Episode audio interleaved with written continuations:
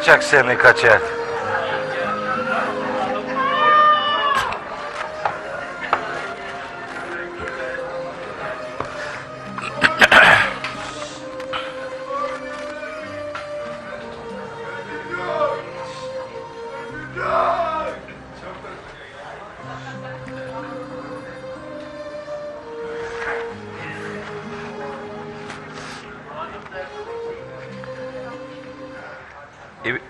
İbrahim hangi felaketle karşılaşacağını bildiği için şimdi yumuşatmaya çalışıyor.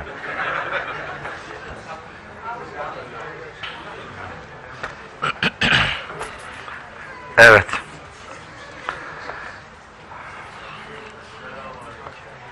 Euzu billahi mineşşeytanirracim. Bismillahirrahmanirrahim. Elhamdülillahi rabbil alamin. Salatu vesselamu ala seyyidina Muhammedin ve ala alihi ve ashabihi ve men tebi'ahu bi ihsanin ila yevmiddin. Kıymetli kardeşlerim, hepinizi selamların en güzeliyle, Allah'ın selamıyla selamlıyorum.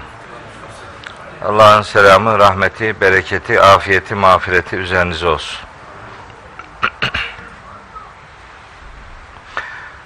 Bu dersimiz eee, sezonun son dersi. Geçen hafta aslında bitirmiş olacaktık. Öyle hedefliyordum ama olmadı. Bu hafta son dersimizi yapıp herkesi rutin işiyle, meşguliyetiyle baş başa bırakmak üzere vedalaşmış olacağız. Tabii epeyce bir zamandır ders yaptık. ya. Beş sene oldu. Bayağı sürdü.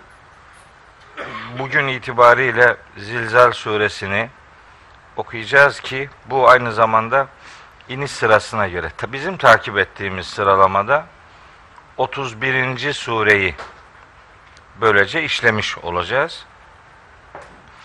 Yani 114 surenin 31 suresi işlenmiş sayı itibariyle nereden bakarsanız işte dörtte birden fazla bir miktar işlenmiş oluyor. Bunun sonrasında ne olur, ne gider, ne biter onu göreceğiz. Allahu Teala nasıl bir kapı açıyor, nasıl bir kapı aralıyor. Ona göre kendi duruşumuzu şekillendireceğiz. Bugün itibariyle bu sezon başladığımız derslerimizi bu sezonluk bitirmiş olacağız. Tabi bitirme suresi de Zilzal suresi bir depremle bitiyor yani. Ders de depremle bitmiş olacak. Deprem meydana getirecek bir sunumumuz olmayacak elbette. Rutin bir Kur'an sunumu. 8 ayetlik kısa bir e, sureyi size hatırlatmış olacağız. O kadar çok iddialı bir sunumumuz yok yani. İşte bu kadar anladık ve bu kadarıyla size hitap ediyoruz. Başından beri söylediğim ifade bu. Ne kadar gücümüz, imkanımız, takatimiz, bilgimiz varsa, aklımız ne kadar bize yardım ediyorsa vahyi o noktada anlamaya çalışıyoruz, yorumlamaya gayret ediyoruz. Umarım e, Allahü Teala sadece hayır adına çıktığımız bu yolculukta bizi mahrum ve mahcup bırakmasın inşallah. Yoksa ben hiçbir zaman bu sureyi okuduk, bitirdik, tamamdır demedim. Surelere sadece biz başlıyoruz dedim. Bunu başkalarından da dinlemek, başka kitaplardan okumak, başka yardımcı unsurları devreye sokmak daima gereklidir. Bir insanın sözü, her sözü doğru olmaz. Her insanın sözü de doğru olmaz, doğru olmayabilir.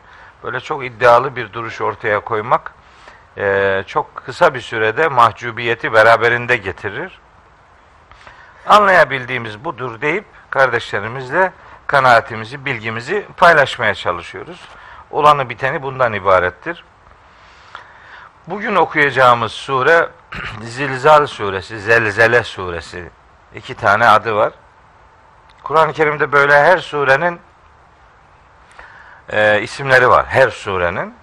Tabi bu sure isimleri noktasında bir ufak bir teknik bilgi vereyim. İlk defa gelen var. Kadir Şanlı Bayrak ilk defa geldi. Benim çocukluk arkadaşım. Ha o şanlı bayraklar hep burada. Ömer abi filan. Tamam dede oğulları hep burada. Hayratlı bunlar. Ben hayratlı da sayılırım. Ömrümün önemli bir bölümü Hayrat'ta geçti. Babam orada din hizmeti yaptı. Bu şanlı bayraklar bunlar. Ben bunların yemekleriyle büyümüşüm. Ee, bu Kadir'in Ömer abinin annesi Fadime teyze bizim orada Fadime teyze deriz. Fatma demeyiz yani. Fadime teyze. Fadime teyzenin evi yolun tam üzerinde. O yoldan geçip de onun yemeğini yemeyen pek kimse yoktur. Fadime teyze. Allah mekanını cennet etsin. O Fadime teyzenin ağabeyisi vardı. Abi miydi Ahmet amca? Ufay kardeşi Ahmet amca. O da aşağıya doğru yol İslam oğullarına geçiyorsa karşıya o da oradan geçen herkesi yedirmiş bir baba idi. Onların ocağında çok yemekler yemişim.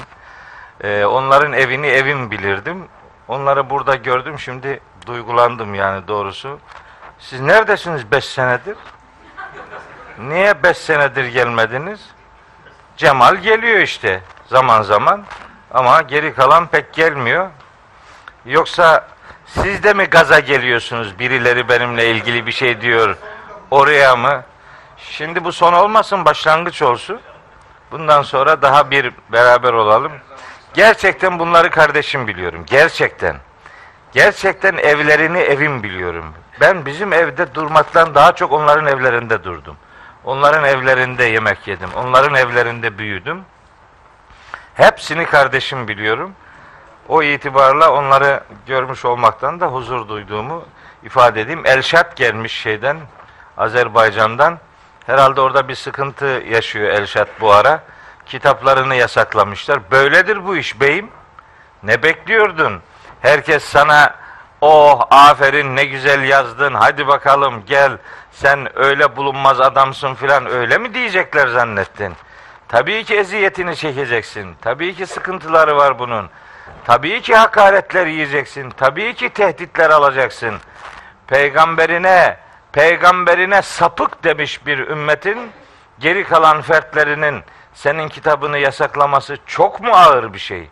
Hayır, yasakladıysalar yolun doğrudur demektir. O yolu sürdüreceksin. Ha, kitabında tam ne yazdım başından sonuna kadar bilmiyorum ama eğer hakikatin eriysen bil ki bunlar kaçınılmazdır. Böyledir bu iş. Onun için yani yılgınlığa, bıkkınlığa, e, başını öne eğdirecek bir e, perişanlığa hayatında hiç yer vermeyeceksin. Bu zaten karşı tarafın istediğidir.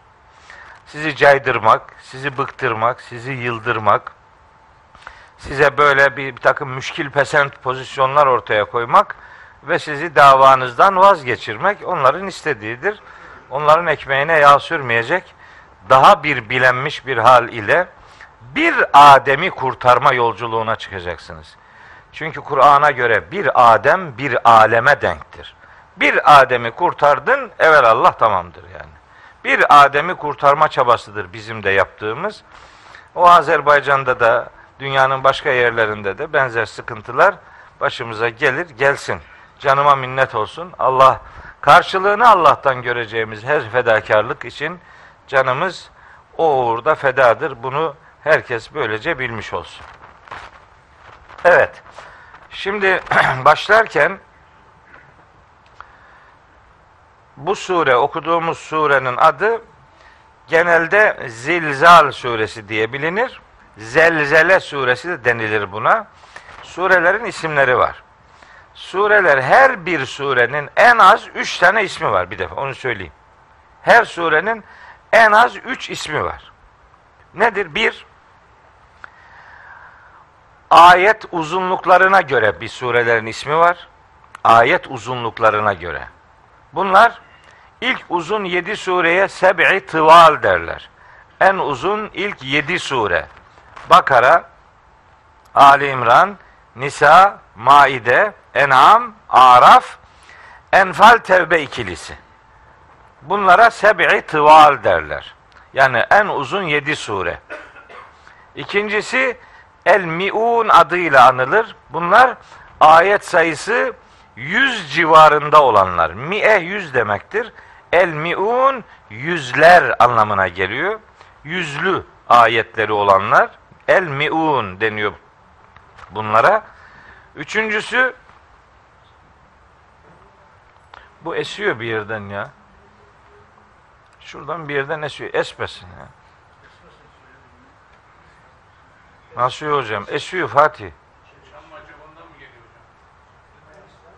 Yok esiyor bir yerden bana rüzgar vuruyor vurmasın. Sezonun son dersi şimdi burada hasta olmayalım boş boşuna. Evet. El Mi'un yüzlü ayetleri olanlar. Üçüncüsü El Mesani 150 100 ila 50 arası 50 100 arası ayetleri bulunanlara El Mesani deniliyor. Bir de Kaf suresinden aşağıya olan sureler yani 50. sureden aşağıya olanlara da El Mufassalun deniliyor. Kısa sureler. Bu El Mufassalun denen sureler de kendi içinde üçe ayrılıyor. Mufassali tıval. Yani kısa surelerin kısmen uzun olanları. Mufassali evsat. Kısa surelerin orta uzunlukta olanları. Bir de mufassali kısar var. Kısa surelerin en kısaları diye. Böyle bu ayet sayısına göre surelerin isimleri. Seb'i tıval, mi'un, mesani, mufassalun diye dört tane. Ayrıca her bir surenin indirildiği zaman itibariyle de ismi vardır. Hicretten önce indirilen surelere Mekki, hicretten sonra indirilen surelere Medeni sureler denilir. Bunu isimlendirirken Mekke'de indirilenlere Mekki, Medine'de indirilenlere Medeni denir deniyor. Bu doğru bir taksim değil. Çünkü Mekke'de de Medine'de de indirilmeyen sureler var. Bu taksimatı zamanı hicreti esas alarak yapmak gerekir. Hicretten önce indirilen nerede indirilirse indirilsin Mekki'dir. Hicretten sonra indirilen isterse Mekke'de indirilsin medenidir. Bu her surenin ikinci ismidir. Üçüncü isim ise her surenin bağımsız, kendine özel ismi vardır. Her surenin bu ismi vardır. Bazı surelerin birden çok ismi vardır. Bazı iki surenin ortak ismi vardır. Mesela Bakara ve Ali İmran surelerine Zehravan sureleri derler. Cennetin iki bahçesi veya iki, iki cennet bahçesi manasında iki çiçek anlamına Zehravan sureleri. Mesela Kul a'udhu bi rabbil felak, kul a'udhu bi rabbin nas surelerine de muavvizetan derler. Yani kendileriyle Rabbimize sığındığımız cümleleri beyan ettiğimiz sureler. Muavvizetan. İki sureye tek isim verilen örnekler bunlar. Bir de her surenin kendi özel ismi bazen birden çok kelimeyle de karşılanabilir. İşte mesela Fatır suresinin bir adı Melaike suresidir. Mesela Zilzal suresinin bir adı Zelzele suresidir. Mesela İnsan suresinin bir adı Dehir suresidir. Mesela Mümin suresinin bir adı Gafir suresidir. Mesela İsra suresinin bir adı Beni İsrail suresidir. Mesela İhlas suresinin bir adı Tevhid suresidir.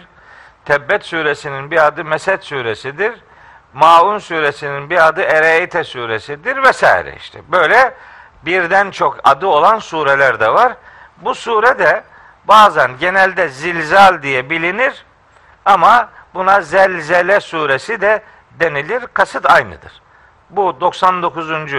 resmi sıralamadaki yeri 99'unculuk olan surenin adı Zelzele veya Zilzal suresidir. İniş sırası itibariyle 31 diyoruz. Bu bağlayıcı değildir. Defalarca söyledim. Sıralama rivayetlere dayalıdır nihayetinde. Rivayetler de çeşitlilik arz ediyor. Birden çok 20'ye yakın farklı sıralama var. Dolayısıyla bir sıralama usulüne göre biz 31. sure diyoruz. Buna başka rakam söyleyenler de olabilir. Hiç rivayete dayalı olduğu için çok bağlayıcı değildir yani. Şimdi ben bu nüzul sırasına göre tefsir yazıyorum filan dedim diyorum. Bir de bir tweet atmıştım bir ara. Oradan başladı saldırıyor adam. Hani sen rivayetleri hep inkar ediyordun. Hepsini inkar etmiyordun. Bu yalan. Nereden çıkardın bunu? Nereden belirledin? Rivayetten. Onun için de kesin değildir diyorum ya. Kesin değil işte. İşin içine rivayet girdi mi karışıyor. Bulamıyorsun. Buradan tutturuyorsun gitmiyor. Oradan tutturuyorsun gitmiyor. Onun için eğer rivayete dayalıysa kesin konuşulmaz.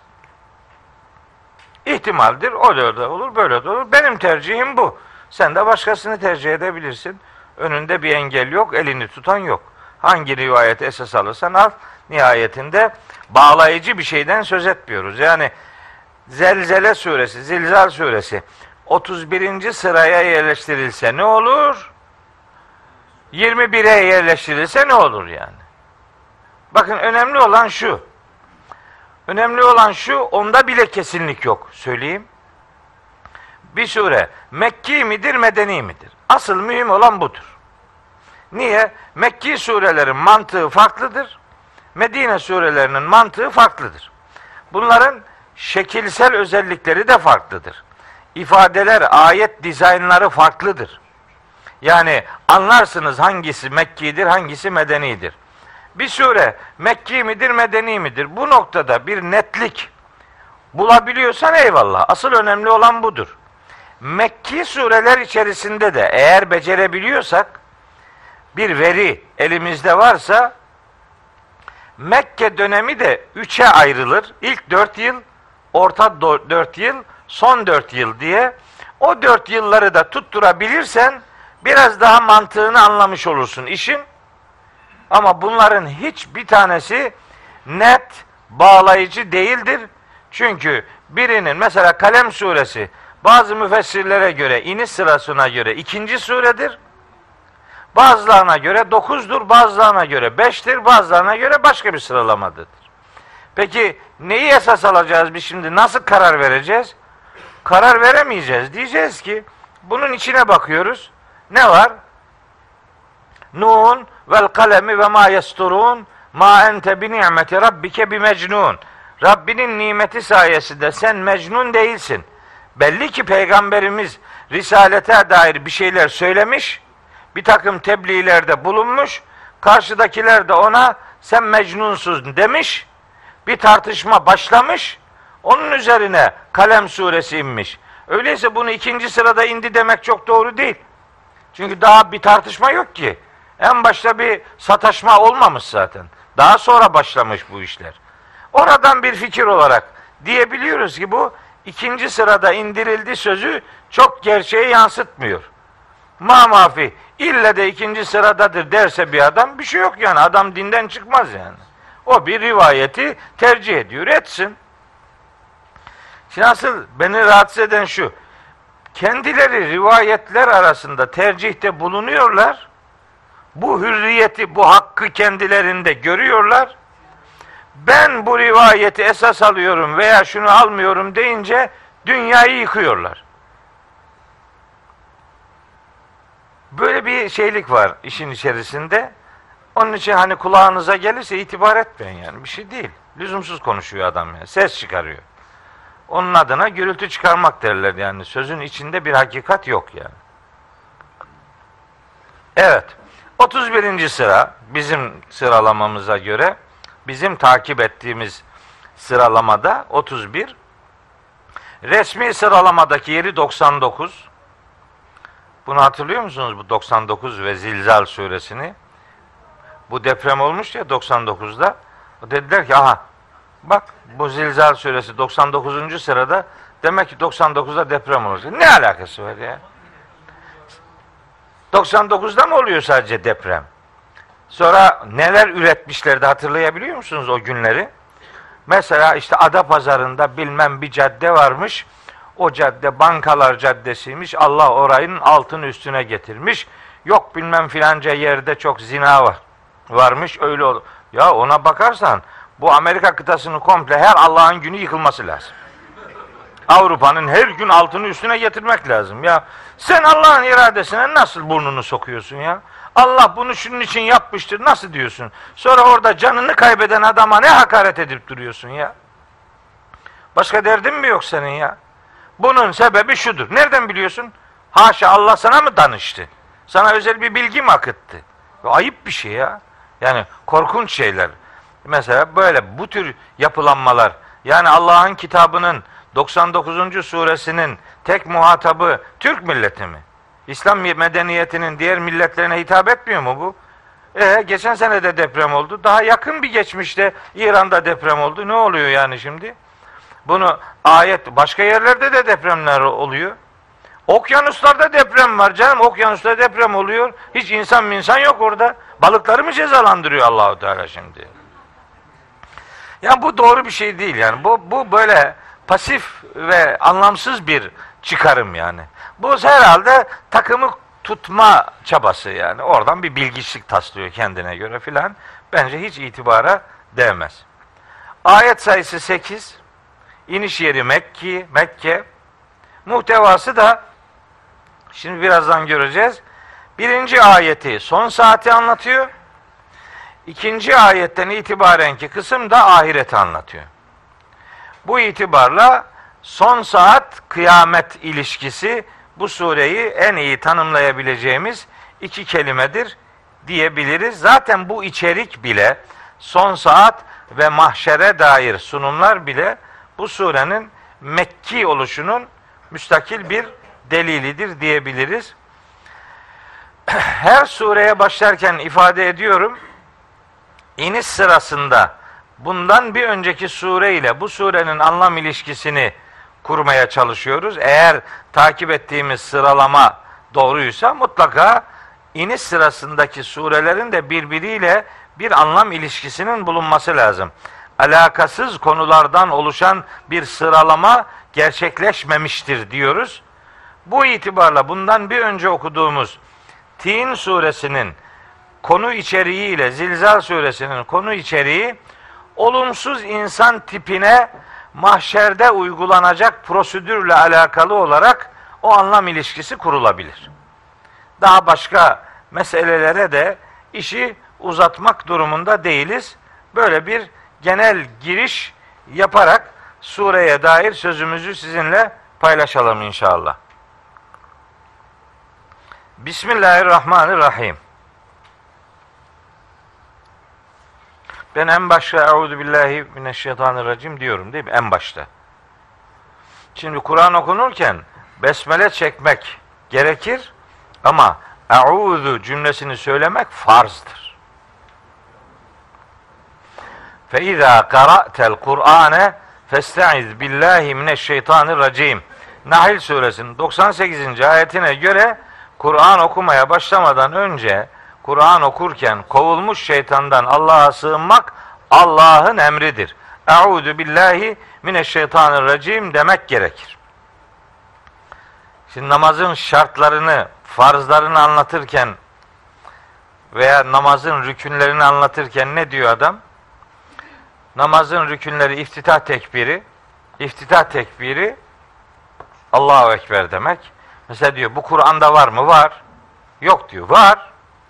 Ne yani? Ne yok diyorsun? Ve rabbeke fekebbirin düz cümleye dönüşmüş şekli Allahu Ekber'dir işte yani. Sonra mesela elleri kaldırmak. Elleri kaldırmak sünnettir. Elleri kaldırmak. Sünnettir de yani niye kaldırıyorsun elini? Yani elini kaldırmasan olmaz. Nitekim kaldırmadan da başlayanlar var. Şöyle yapıyor, böyle yapıyor. Bir kısmı böyle kulağının bu yumuşak yerine dokunuyor ellerinin avuç ayalarını böyle kıbleye doğru çeviriyor filan. Bu şey askeri düzen yani. Bunu tam tutturman lazım. Yani öyle milimetrik şaştın mı her türlü hakareti yiyorsun. Mesela ayakta dururken ayakları nasıl duracak? İşte topuklar biraz yakın, parmaklar biraz açık olacak. Yok bilmem biraz daha açık olacak, yapıcık olacak. Böyle alacaksın eline cetveli ölçeceksin demek. Kaç santim oldu bu? Bunlarla uğraş. Yok bilmem omuzun omuzuna değecek.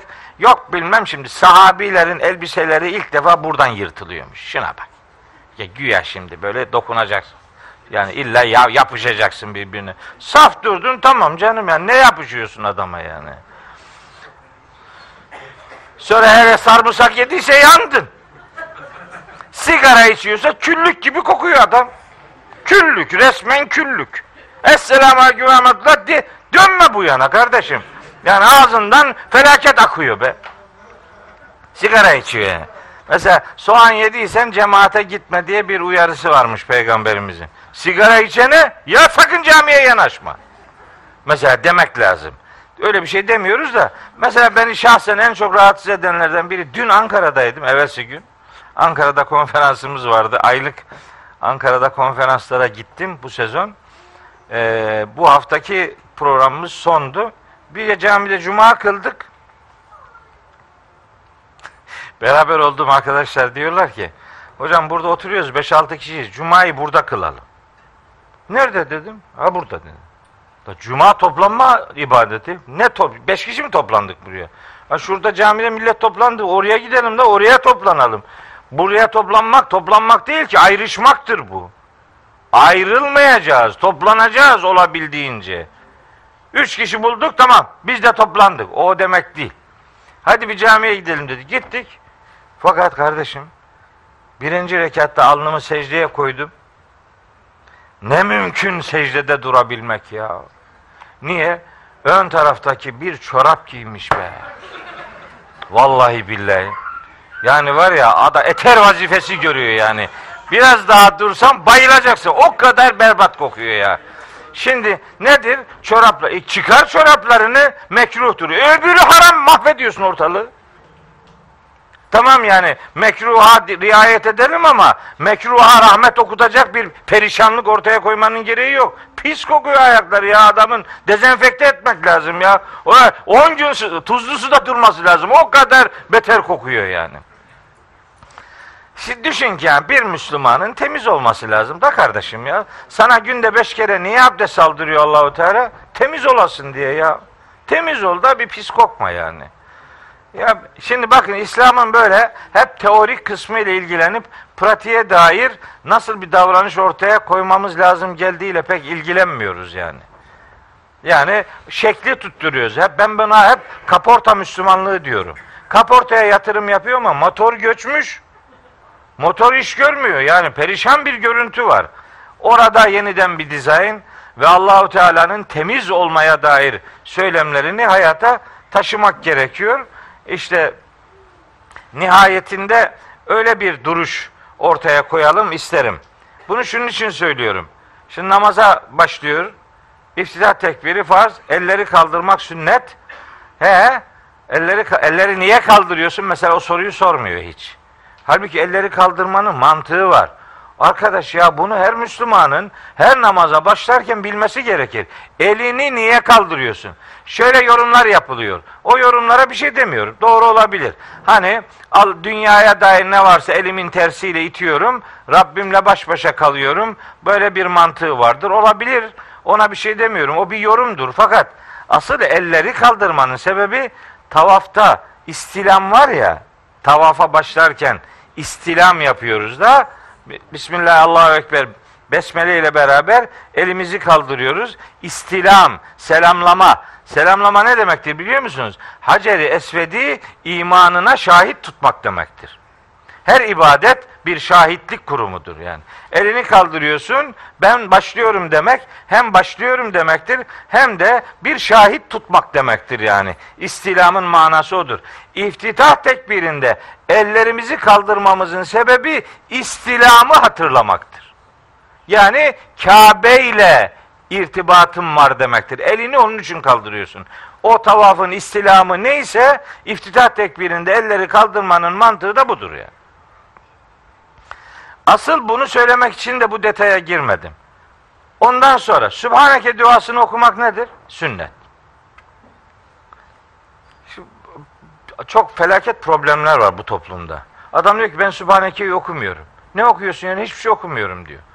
Okumazsan okuma yani. Ama Sübhaneke duasının Kur'an'dan tam yedi tane referansı var. Nedir? Zorun ne yani? Ettehiyyatı okumuyorum diyor. Niye okumuyorsun? Bu diyor işte uydurmadır. Neresi? Niye uydurma olsun ya? E bu Miraç'la alakalı. Hayır Miraç'la alakalı değildir ya. Ettehiyyatının her cümlesinin Kur'an'dan referansı vardır. Hepsinin yani. Nedir yani? İlla böyle inadına bir şey demek mi gerekiyor yani? Her şeye mi karşı çıkmak lazım? Yok. Kur'an'a aykırıysa karşı çıkarız biz. Geri kalan sünnet dediğimiz peygamberi uygulamalar bizim için rehberdir arkadaş. Bu peygamberin üsve-i hasene olmasının anlamı ne o zaman? Daha daha onun güzel örnekliği nerede kalıyor yani? Böyle peygambersiz din kapısını zorlamanın bir alemi yok. Ben o kapıdan asla girmem yani. Ben sadece bu kültürün içindeki uydurmalara karşıyım. Yoksa her şeye karşı değilim yani. Seçerek alırım. Seçmedeki mantığım da Kur'an'a uygunluk ya da aykırılıktır yani. Mesele bu. Başka bir şey yok. Şimdi Sübhaneke'den sonra Euzu billahi mineşşeytanirracim demek nedir? Sünnet. Bismillahirrahmanirrahim demek vacip. Elhamdülillahi Rabbil Alem Fatiha suresini okumak da vacip. Vacip bizim mezhebe göre var. Şafiilere göre vacip de yok. Çünkü onlar bir eylem ya sünnettir ya farzdır diyorlar. Bizim vacip de farzın amcasının oğlu oluyor yani. Yani öyle öyle gereksiz bir şey değil. Vacip dediysen tamam işte yapacaksın bunu demek. Fakat orada asıl ıskalanan ne biliyor musunuz? Euzu billahi mineşşeytanirracim cümlesini söylemek sünnettir demek. Asıl problem bu. Euzu billahi mineşşeytanirracim demek Fatiha'dan önce Kur'an okumaya başlayacağın bir enstantane bir durumda olduğun için oradaki Euzu billahi mineşşeytanirracim demek farzdır, farz. Sünnet filan değil. Niye? Doğrudan Kur'an'ın emridir. Ha ben şimdi bir şey daha söyleyeyim size. Kesin karışacak. Ya emin. Karışacak. Karışsın. Zaten öyle de gitti, böyle de gitti. Karışsın. Ya şimdi cemaatle namaz kılıyoruz ya. Bak ben size söyleyeyim. İmam okuyor. Öğle, ikindi namazları. İmam gizli okuyor. Fatiha'yı ve işte Zamm-ı Sure'yi sessiz okuyor. Biz ne yapıyoruz? Duruyoruz. Ne duruyorsun ya? Sen de okusana. İmamın okuması bizim yerimize de geçiyor. İmam kılıyor o zaman bizim yerimize de kılmış olsun. Allahu Ekberleri diyorsun beraber. Sübhaneke'yi beraber okuyorsun. Sübhane Rabbel Azim beraber diyorsun. Sübhane Rabbel Ala beraber diyorsun. Semihallahu lümen hamidet diyorsun. Rabbena lekel hamd diyorsun. İntikal tekbirlerini alıyorsun. Tehiyyatı okuyorsun. Salli barik okuyorsun. Rabbenaları okuyorsun. Farz olan kıraati imam senin yerine yapmış oluyor. Rüküye de devam etsin o zaman. Sen niye okumuyorsun kardeşim ya? Böyle burada duruyor. Eğer imam biraz uzun okuyorsa uykusu geliyor arkadaki adamın böyle bakıyorsun sendeliyor yani. Niye? Gidiyor uyuyor yani. Oku sen de oku. İmam açıktan okursa onu dinlemek farzdır. Niye? Allah'ın emri var. Ve izâ kure'el Kur'anu festemi'û leh ve ansıtû. Kur'an kıraat edildiği zaman susacaksın, ona kulak vereceksin. Kur'an'ı dinlemek farzdır. Onun için sesli okuyorsa dinliyorsun. Dinlemek ne demek? Zaten onun okumasına katılmak demektir. Sen de onu takip ediyorsun demek. Da okuyor adam, sen de onu tekrar ediyorsun. Ama gizli okuyor. Gizli okuyor, sen de böyle duruyorsun. Ne duruyorsun ya okusana. Sen de oku. Tutmuyor birbirini. Ne kadar tutarsa. Hani bir tanesi demiş ya hocam çok hızlı kıldırıyorsun rükuda secdede üç defa tesbih getir çekemiyorum. Sübhane Rabbel Azim diyemiyorum deyince imam demiş ona ki ne mutlu sana ben bir kere bile diyemiyorum. Yani çok hızlıymış. Çok hızlı. Ne kadar hızlı olursa olsun. Oku da bir şey. Sen de bir şey oku ya. Ayakta duruyor. Boş boş duruyor böyle. İmamın okuması onun da okumasının yerine geçiyormuş. Ya yok kardeşim böyle bir şey. Gözünü seveyim. Tekrar ediyorum. Ayrıma dikkat etmek kaydıyla. Açıktan okuduğu yerlerde onu dinlemek Allah'ın emridir. Kur'an okunursan di, okunurken dinleyeceksin. Araf suresinin açık emir. Bitti. Ama gizli oku, duymuyorsun. Peki, peki duruyorsun. Oku sen de oku Fatiha'yı oku. E adam uzatıyor. Bir daha oku Fatiha'yı. Gene uzatıyor. Bir kere daha oku. Ya boş durmaktan bin kere daha iyi. Kaç kere okusan oku. Ne var yani? Öyle acayip şeyler çıktı. Şimdi secdede Sübhane Rabbiyel Ala diyoruz ya. Üç defa diyeceksin.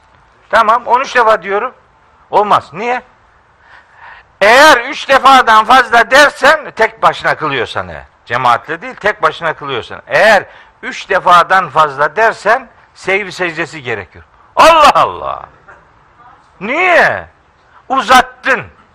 Ne oldu? Farzı tehir ettin. Hangisi? Bir sonraki rekatın kıyamı farz ya. Farzı tehir etmek efendim seyir secdesi gerekçesidir. Vacibi terk etmek seyir secdesi gerekçesidir. Eğer tesbihi uzatıyorsan seyir secdesi yani hata yaptın demektir. Yok kardeşim ne kadar Sübhane Rabbiyel Azim dersen de ne kadar Sübhane Rabbiyel Ala dersen de bunun önünde bir engel yok. Tek başına kılıyorken. Öyle imamlık yaparken aldın başına orada 50 kere adamın başı dönüyor orada. O onu asgariden tutacaksın. O başka.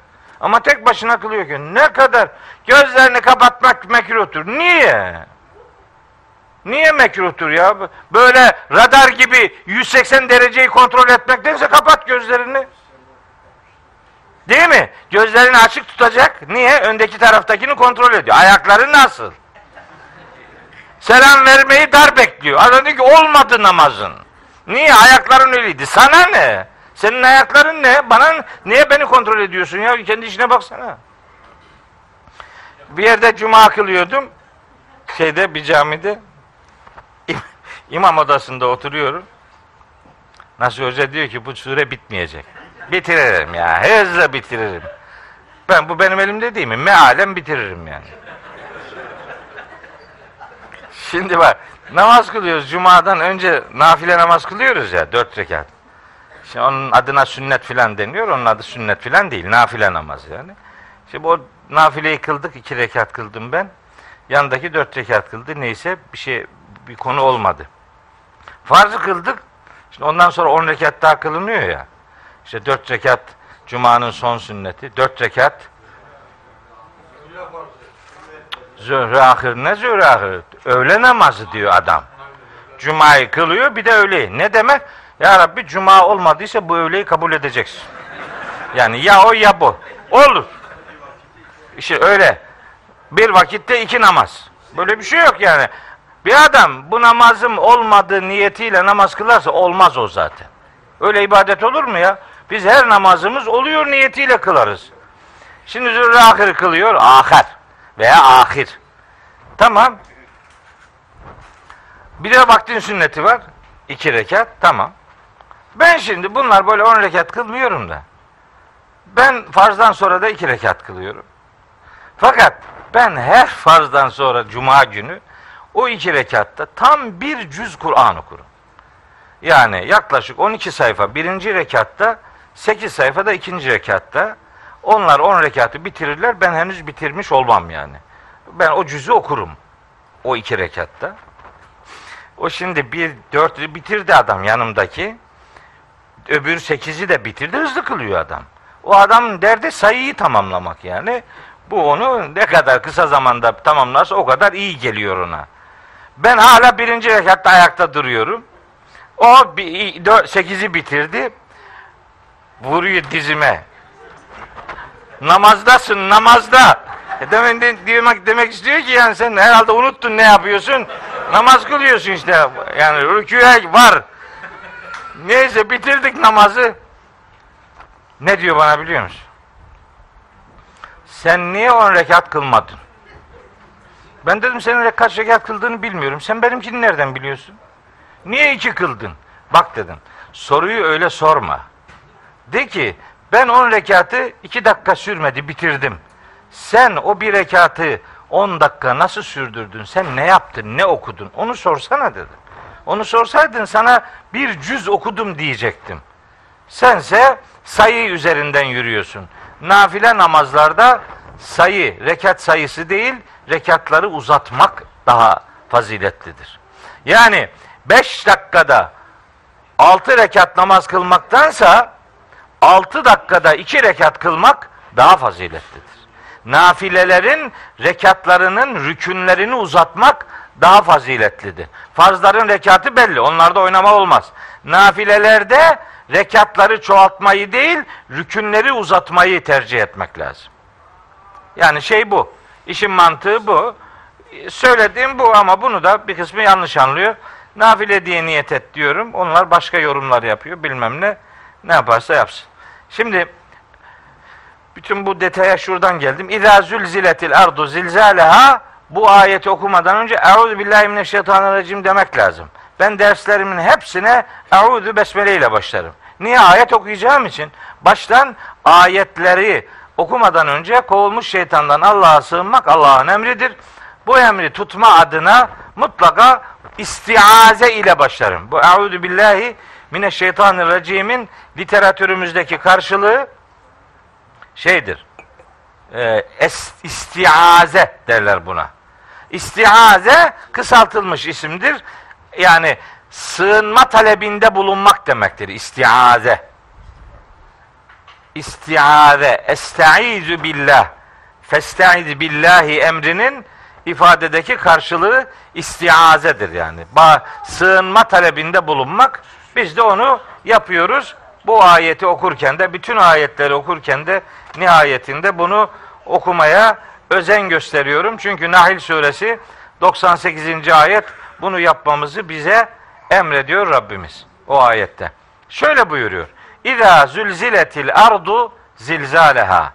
Arz korkunç bir şekilde sarsıldığı zaman. Şimdi bakın Arapçada iki şey size söyleyeyim bu ayetle ilgili. Biri şimdi Arapça düz cümlelerde fiil mantığı yani cümlenin mantığı şudur. Önce fiil gelir, sonra fail gelir, sonra mef'ul gelir. Yani fiil önce yüklem gelir yani Arapçada Türkçedeki gibi değildir. Tersinedir yani. Önce yüklem, sonra özne, sonra nesne veya tümleç gelir. Arapçadaki cümle yapısında. Şimdi bu fiil eğer nesne alıyorsa, yani bizim tabirle fiilin eğer mef'ulü varsa ve mef'ul dediğimiz o nesne Arapçadaki ifadede eğer fiilin cinsinden bir kelimeden oluşuyorsa bunun adına bizim usulde mef'ulu mutlak derler. Bunun adı bu. Yani bilmeyene biraz garip gelecek ama böyle. Bu bazı ifadeler böyle gelir Kur'an'da. Niye biliyor musunuz? O fiilin vermek istediği mananın pekiştirilmesini sağlamak için. Yani güçlü bir mana vermek için.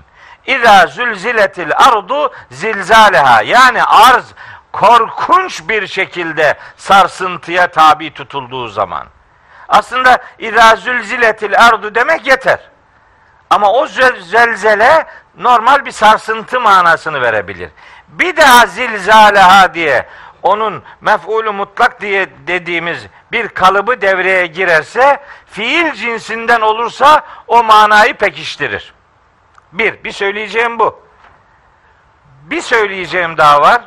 O da Kur'an-ı Kerim'de bu son saatle, kıyametle, ahiretle, mahşerle ilgili ifadeler zaman zaman meçhul kalıpta veya edilgen kalıpta gelir. Küvvire, nüfike, zülzile, kelimeli süyyire mesela fütiha hep böyle hep değil de zaman zaman böyle edilgen gelir. Biz buna meçhul fiil kalıbı deriz. Burada olduğu gibi. Bunun normal kalıbı zelzele, edilgen kalıbı zülzile. Bu niye böyledir? Edilgen kalıplar Arapçada iki türlüdür. Ha, tam şerefe göre ders. Hayatta anlamaz bu işten. O zaten tıraş etmekten anlar ama iyi de bir Kur'an talebesidir. E, bu detayı veriyorum, mecburum yani. Niye? Bir detayı, bir, bir manayı e, biraz daha pekiştirme adına. Bakın, Arapçada edilgen kalıplar hep böyle meçhul fiil olarak gelmez. Bazen bu edilgen kalıplar gene Arapçadaki bablardan biri var. İnfial babı. O kalıpta gelirse de mana edilgendir. İnfatara, in şakka, in kedere buna infial kalıbı derler. Bu da edilgen mana verir. Niye? O edilgenlik ister infial kalıbından gelsin, isterse fiilin meçhul versiyonundan gelsin. İfadenin öyle getirilmesinin çok önemli bir gerekçesi var. Bu metin Ahmet'in, Mehmet'in metni değil, bu Allah'ın metni. Bunda öyle ustalıklar var, edebiyat incelikleri var.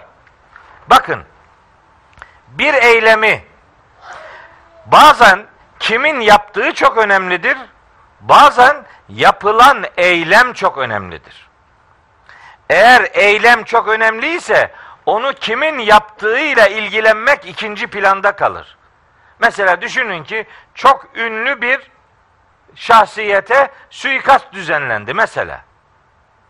İsterse faili belli olsun. Kimin yaptığı isterse belli olsun. Mühim değil. O haber manşetten verilirken filanca falancayı öldürdü diye verilmez. Niye? Çünkü burada önemli olan kimin yaptığı değil, yapılan iş. Filanca öldürüldü diye haber verilir. Niye? Olayın kendisi daha önemli olduğu için bu kalıplar Arapçada ya meçhul fiil kalıbında ya da işte edilgen kalıpta, infial kalıbında getirilir. Niçin? Olay önemli ve büyük olduğu için. Bu mahşerle ilgili, son saatle ilgili beyanlar yoğunlukla böyle gelir. Sebebi sebebi olayın kendisinin önemini ortaya çıkarmaktır. Hani bir teknik bir şey daha söyleyeyim. Bu infial kalıbı dediğimiz bu kalıpta bir de mutavaat bir mana dediğimiz bir mana var. Mutavaat diye bir mana. Ne demek bu? Mutavaat bir şeyin birinin birini etkilemesi, etkilenenin etkiyi gönülden kabul etmesi. Mutabat o demek yani. Gönülden boyun eğmek yani. Bir şeyin bir şey programlandıysa o programlandığı şekilde meydana geliyorsa buna mutabaat etkileşimi denilir yani. Mesela İres semaun fatarat. Sema infitar ettiği zaman infatara mutavaat kalıbıdır. Yani sema yeniden bir fıtrata kavuşturulduğu zaman demektir. Kim kavuşturuyor Allahu Teala? Semada, gökte o şeyi, o hali mecazi olarak kabul etmiş oluyor. Buna mutavaat deniliyor. Bu bizim e, mahşere dair kullanımlardaki bu mutavaat dediğim etkileşim Kur'an-ı Kerim'de sıklıkla kullanılır. Ahiret, mahşer ve kıyamet konuları geçtiği zaman bu edilgen kalıplarla bu e, mutavaat dediğimiz e, kalıplar oldukça sık karşımıza çıkar. Sebebi programın başında Rabbimiz vardır ama ortaya çıkan meydana gelen olay çok önemli olduğu için ifadeler edilgen kalıpta seçilir. Ve nüfika fis suri. Sur borusuna üflendi. Şimdi burada önemli olan sur borusuna kimin üflediği midir yoksa boruya üflenmesi mi? Üflenmez. İşte onun için ve nüfika fis suri. Ve nefeka israfilu es sure demez. Niye? Orada boruya kimin üflediği çok mühim değil. Mühim olan olayın kendisidir. İzâ zülziletil ardu zilzâleha. Arz şiddetli bir şekilde sarsıldığı zaman. Aslında arzı Allah sarstığı zaman demek lazım bunu. Ama o o kadar açıktır. Sarsmayı Rabbimizin yaptığı o kadar bellidir ki onu demeye bile gerek yoktur. Artık olay önemlidir. Onun üzerinden edilgen bir ifadenin kullanılması edebiyat gereğidir. Lafı salata yapıp uzatmak değil yani. Bu bir edebiyat. Biz buna fesahat, belagat diyoruz yani. Kur'an-ı Kerim'in böyle önemli ifade e, efe, incelikleri vardır. Hani biraz teknik kaçtı ama olsun söylemiş olayım. Şimdi bir şey daha söylüyorum. İza zülziletil ardu zilzaleha. Arz kendine ait bir sarsıntıyla şiddetli bir şekilde sarsıldığı zaman bu neyi veriyor? Bu bu sistemin yıkılışını veriyor. Peki bu sistemde sadece arz mı yıkılacak? Yani bu değişim sadece yeryüzüyle mi sınırlı? Hayır. Şimdi Kur'an-ı Kerim'de ifade tekniklerinden bir tanesi daha var. Onu ifade edeyim. Parçayı anarak bütünü kastetme kuralı var Kur'an-ı Kerim'de. Parçayı anarak bütünü kastetme. Yani nereden gördün lan bunu ceketimi çıkarttığımı? Beni mi izliyorsun? Hayırdır? Şimdi buraya geliyorum ya şurada arabayla. Biri arabanın kapısını açıyor, biri çantama dokunuyor. Arkadaş, bana böyle tarikat şeyhi muamelesi yapmayın gözünü seveyim. Ben rahatsız oluyorum böyle şeylerden ya. Önümden iki kişi gidiyor, yandan bir kişi falan. Ya, yok yok. Yok bırak hür, hür bırak beni ya. Bu çantayı ben taşırım. Ne sen taşıyorsun bunu ya? Saygı göstermek istiyor da ben şımarıyorum. Yapma. Kendimi bir şey zannediyorum. Bırak. Ben sıradan olmaktan memnunum. Şuradaki sahnenin yukarıda olmasından bile rahatsızım. Emin ol. Fakat bu bu bir şey değil. Bu mecburen yani alanı görmek için bir zorunluluktur. Billahi kendimi sizden farklı görmüyorum yani. Hiç ben bunlardan çok rahatsız bir adamım yani. Ben bu toplumun içerisinde herkes gibi olmaktan yanayım. Medine'ye peygamberimizi ziyarete geliyor yabancılar. Onun oturduğu o kalabalık bir ortamda giriyorlar içeriye. Bakıyorlar, bakıyorlar. Hazreti Peygamber'in hangisi olduğunu anlamıyorlar. Soruyorlar. İçinizde Muhammed kim? O kadar sıradan ki. Şimdi bir din alimi, bir şey, bir mürşit, bir bilmem kim, bir hoca bırak öyle caminin imamı mesela. Adam bir ihtişamla geliyor ki. Allah Allah. Adamın önce önce göğsü geliyor yani. Böyle geliyor ya. Ceketi yarım metre arkadan geliyor. Ne oluyoruz ya? Yani yakışıyor mu bu? Adamın öyle korumaları geliyor ki korumalar bitmiyor ya. Koru koru koru koru bitmiyor. Adam ortada yok yani. Adam gelmeden önce 50 tane araba geliyor ya. Neyin nesi bu ya? Yani bir güvenlik endişesi varsa onu anlarım. Ona bir şey demiyorum da. Şimdi diyelim ki bir hoca. Ne bu ihtişam ne ya? Adam bir giyiyor ki zaten iki kilometreden onun farklı olduğunu anlıyorsun. Niye? Böyle rüzgarıyla geliyor. Ama Kur'an-ı Kerim Hazreti Peygamber hiç öyle demiyor. Ve ma sahibukum diyor. Arkadaşınız sizden biri. Toplumun bir parçası yani. Bu ayrıcalıklı görüntüler hiç hoş şeyler değiller.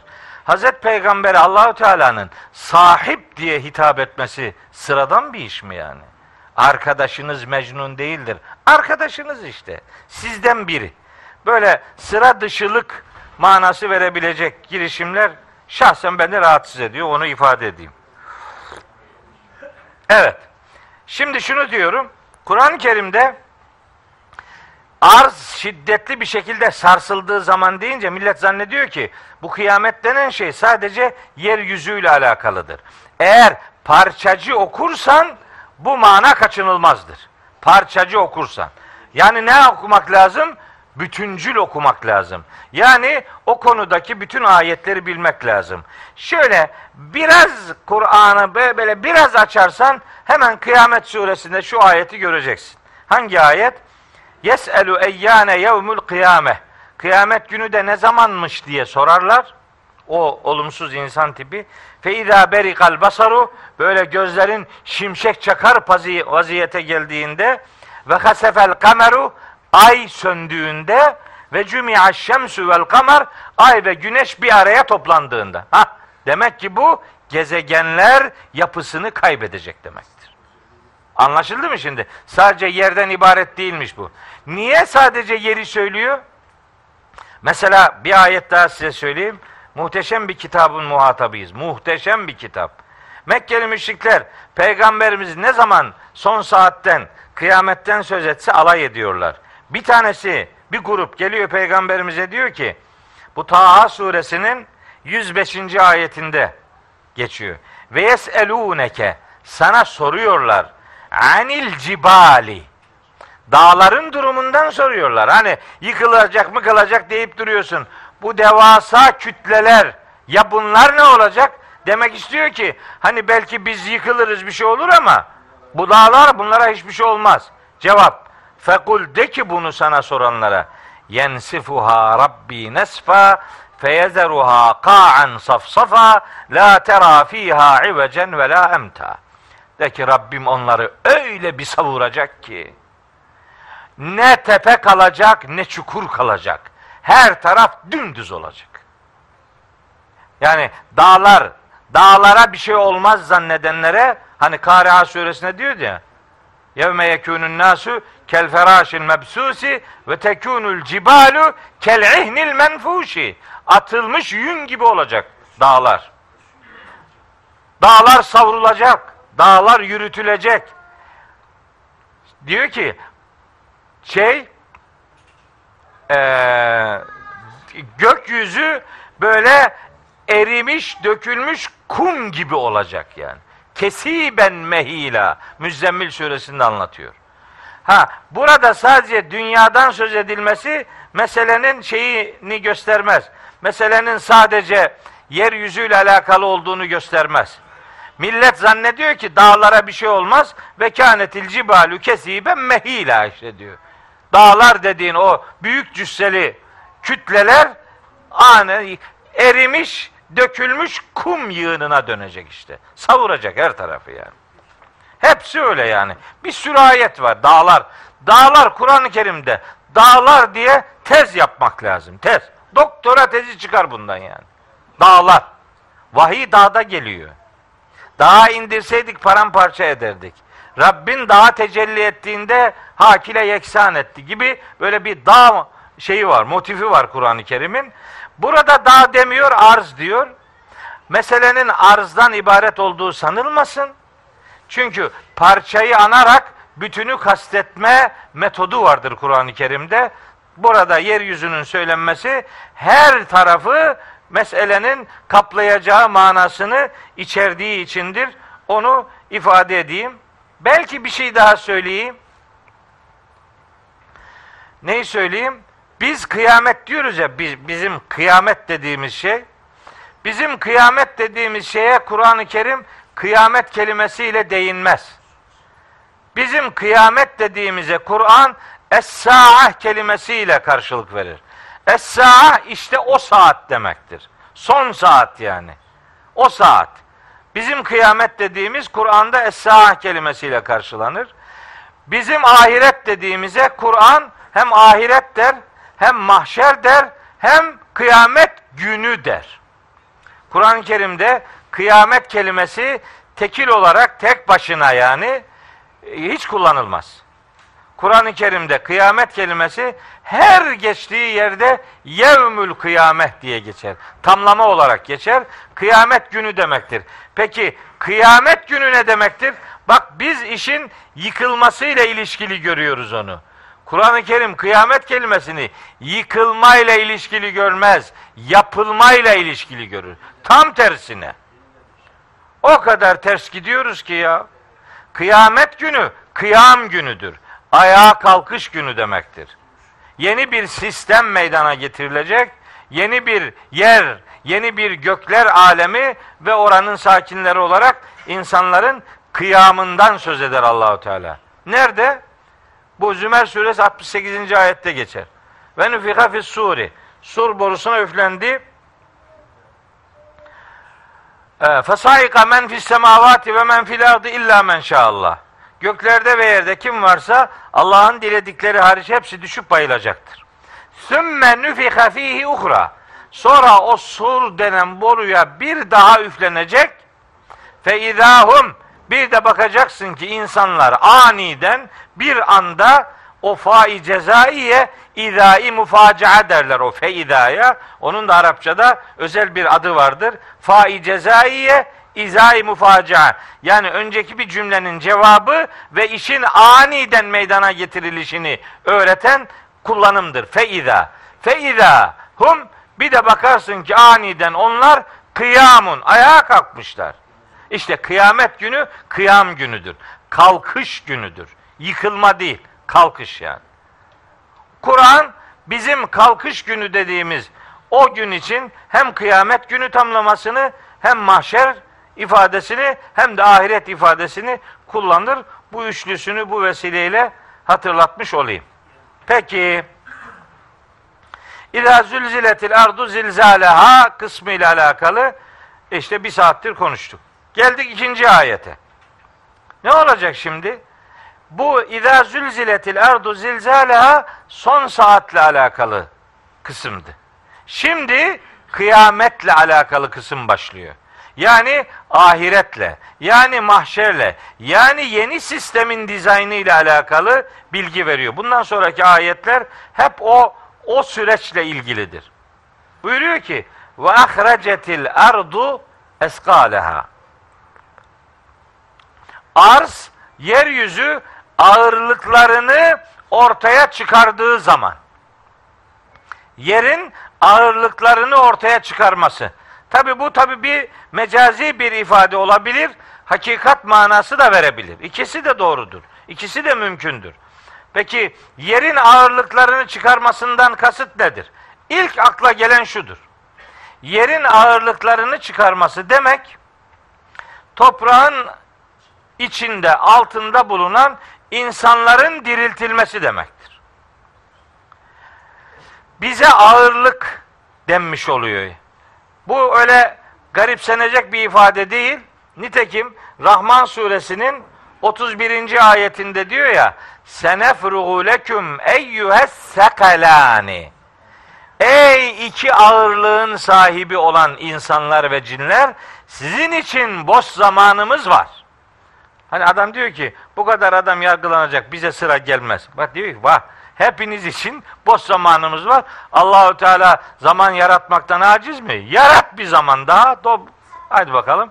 Sen orada cezalandırılmayı hak etmeye gör. Senin yargılanman için sana zaman bulunur hiç merak etme. İşte es-sekalan, eskal kelimesi aynı kökten geliyor. Ağırlık demek. Yani insanoğlu bu evrende bir ağırlık temsil ediyor. Bir ağırlığımız var. Fiziksel anlamda. Ha, yer yüzü ağırlıklarını ortaya çıkaracak. Yani içinde bulunan insanları ortaya çıkaracak.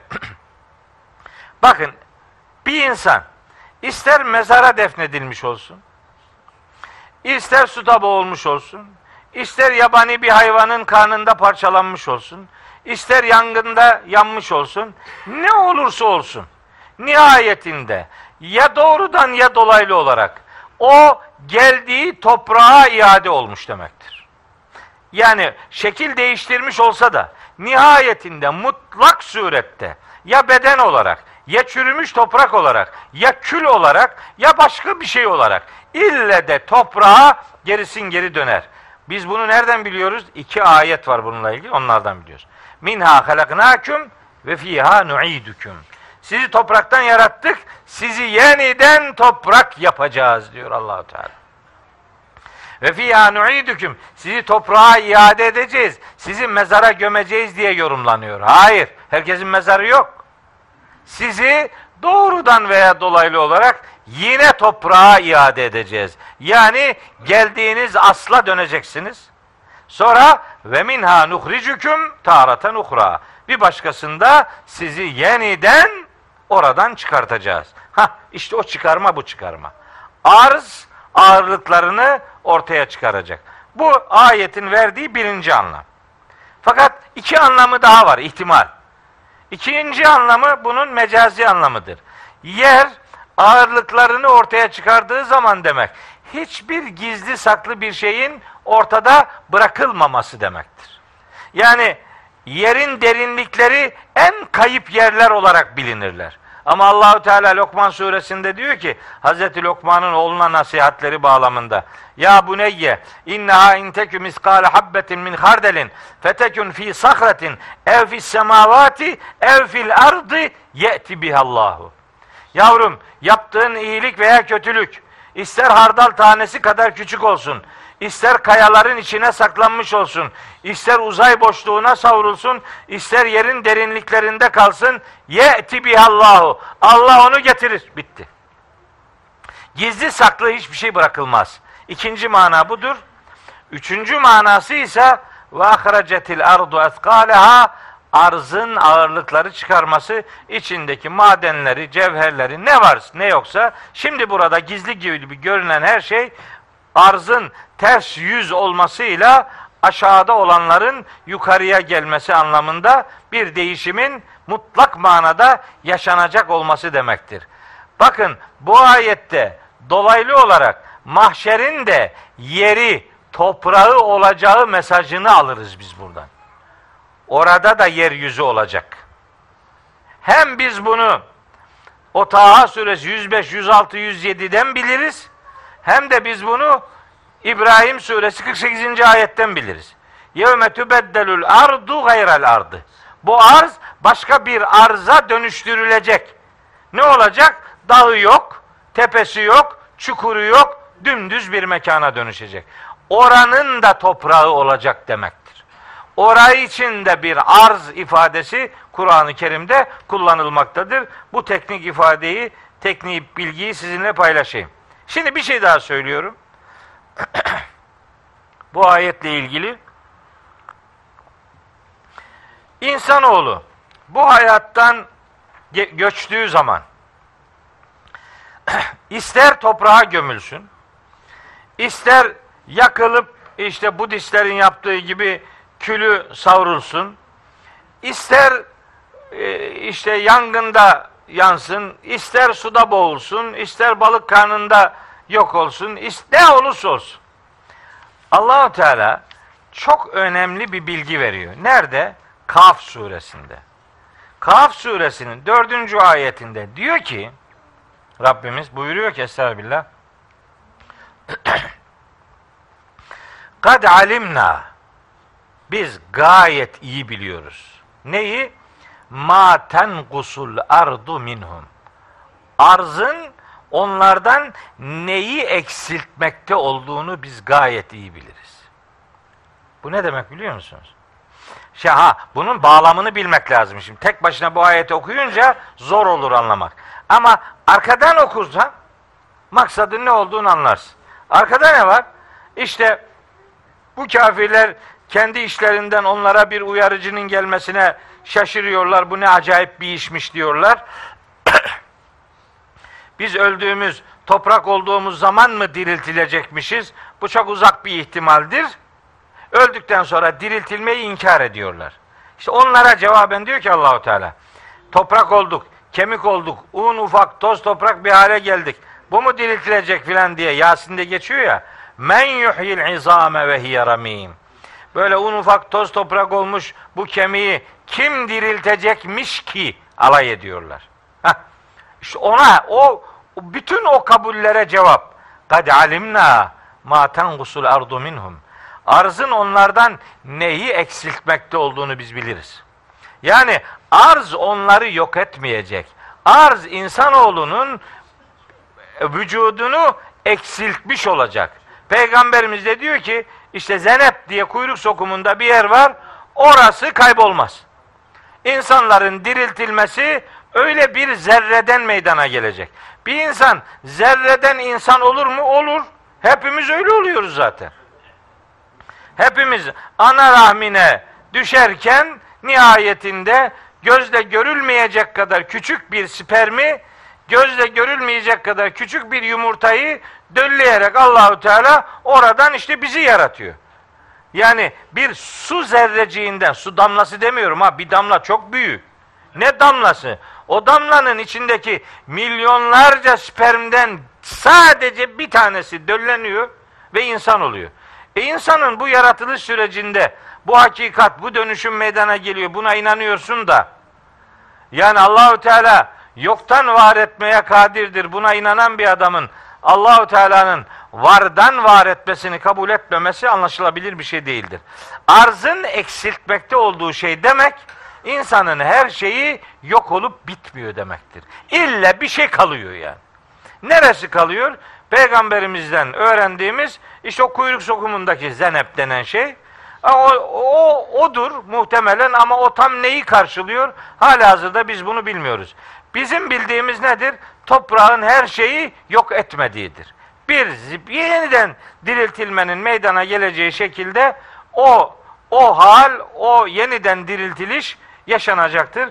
Kur'an'ın bize söylemek istediği nihayetinde budur. Sonra ne olacak?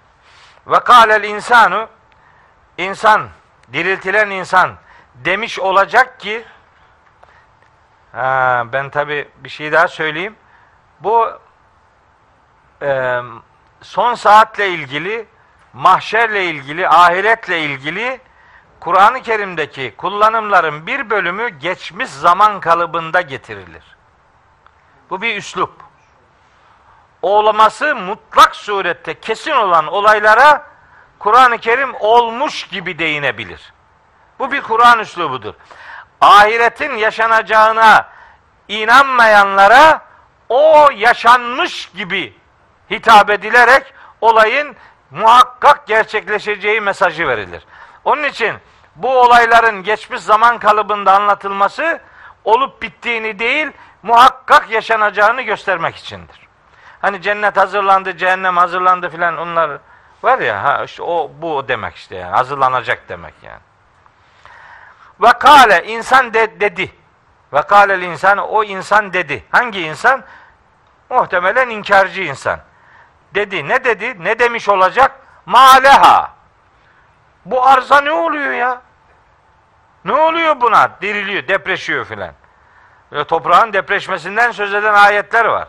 Yevme teşakkakul ardu anhum siraa. İnsanların hızlı bir şekilde alana çıkması için arz süratli bir şekilde yarılır diyor Kaf suresinde. Kaf suresi 44. ayette. Hemen aniden hızlı bir şekilde yarılır. Yarılır insanlar da hızlı bir şekilde topraktan çıkarlar. Ha o diriltilme meydana gelince hani Yasin'de var ya kalu ya veylena men ba'sena min merkadina hada bizi şu uyuduğumuz yerden kim uyandırdı diye böyle bir sıkıntılı kalkış yaşanacak. Bu, bizi bu uykumuzdan kim uyandırdı diye o diriltilen nankör insan böyle bir şaşkınlık, bir korku, bir perişanlık ifadesi ortaya koyacak. Men ba'asena min merkadina hâzâ Yasin 52'de geçiyor. Bu da da onların başka bir sözü dile getiriliyor. Ve kâlel insanu bu nankör insan demiş olacak ki maleha ne oluyor bu yeryüzüne? Neler oluyor? Alt üste geliyor. Ne oluyor filan? Ben anamla tarla belliyordum geçen sene. Tarla belliyoruz ya şimdi böyle toprağın altının üstüne getiriyoruz filan. Ben, anlamam ben pek o işlerden. İşte anam da belle diyor tarlayı. Anam 80 yaşında belliyor. Biz de mecburen alıyoruz. Bel, belli ellerimiz yarılıyor, marılıyor. Beceremiyorum ama anamı memnun etmek için işte belliyoruz filan. Bellerken anlarsın biraz yoruldum. Anam da tam yanıma geldi. Dedim ki ana bak. Şimdi belli koyuyoruz. Şu kadar çubukları var. O toprağın içine giriyor. Toprak altı üstüne çıkıyor filan. Orada solucanların yolları var. Solucanlar toprağa nefes aldırıyor ya. Toprağın içinde acayip yollar var ya. Büyük kalın kalın solucanlar var. Toprağın nefes alması sağlanıyor. Acayip bir şey ya. Değil mi? Ana bak işte bak bu toprağın altı üstüne geliyor işte mahşer içinde böyle olacak. Toprak diriltilecek. E, işte ağırlıkları çıkacak ortaya filan bir şeyler anlatıyor bana. O arada dinleniyorum filan. Anam da hafif şey bozdu, hava bozdu. Yağmur yağacak gibi bir durum var. Anam dedi ki, bırak o ayeti bellemeye bak dedi. Anladı ki şimdi bize işi lafa sarmaya başladık. İş kalacak. Bırak onu dedim ayet okuyorum sen bırak o ayeti diyorsun. Anladık dedi. Bir gün de tefsirle uğraşıyorum. Herek, fasulye çubuğu var. Fasulye çubukları dikilecek şeye. E onu da beceremiyorum ama yeni yani anama göre yaparım diye hesap ediyorum. Dedi bana ki anam o eğer bir şey yaptıracaksa öyle ismimle hitap etmez bana anam. Eme der. Mehmet'in kısaltılmışıdır bizim orada. Eme.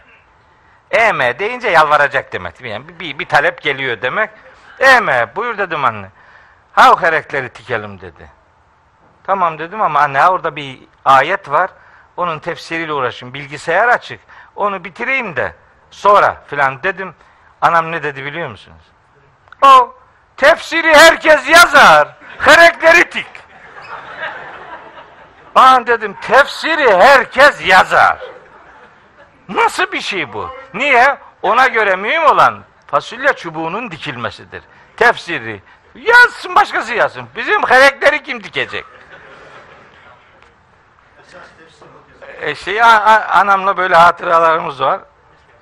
Böyle Kur'an merkezli şeylerde konuşuyoruz. Ara sıra iş Sıkıntıya girince de hatırlatıyor. Bırak onu buraya gel diyor. Öyle devam ediyoruz. Evet, yeryüzü böyle yer ne, ne oluyor bu arza? Ve kâlel insanu mâ leha. Nankör insan bu yeryüzü altı üstüne geliyor falan. Neler oluyor? Ha, yevme işte o gün tuhaddisu ahbaraha. Arz haberlerini konuşacak. Ne demek şimdi bu? Arz konuşacak. Arz nasıl konuşacak? Arz konuşur muymuş? Konuşur beyim. Nasıl konuşur? Deriler konuşuyor ya. Deriler deriler diyor ki yevme teşhedü aleyhim sem'uhum ve absaruhum ve culuduhum hatta izâ mâ câuhâ şehide aleyhim sem'uhum ve absaruhum ve culuduhum bimâ kânû ya'melûn İşte onlar mahşer toplantısına geldikleri zaman kulakları, gözleri ve derileri dünyada yapmış, yapmış olduklarına şahitlik edeceklerdir. Ve kalu derilerin sahipleri diyecekler ki licüludihim derilerine lime şehittüm aleyna niye bizim aleyhimize şahitlik edip duruyorsunuz? Yani ne, nasıl konuşuyorsunuz yani? Onların cevabı kalu en takanallahu lezî en taka külle şeyin ve huve halakaküm evvele merretin. Sizi de en başta yaratmış olan Allah herkesi herkesi ve her şeyi konuşturduğu gibi bizi de konuşturuyor. Allah konuş deyince her şey her haliyle adeta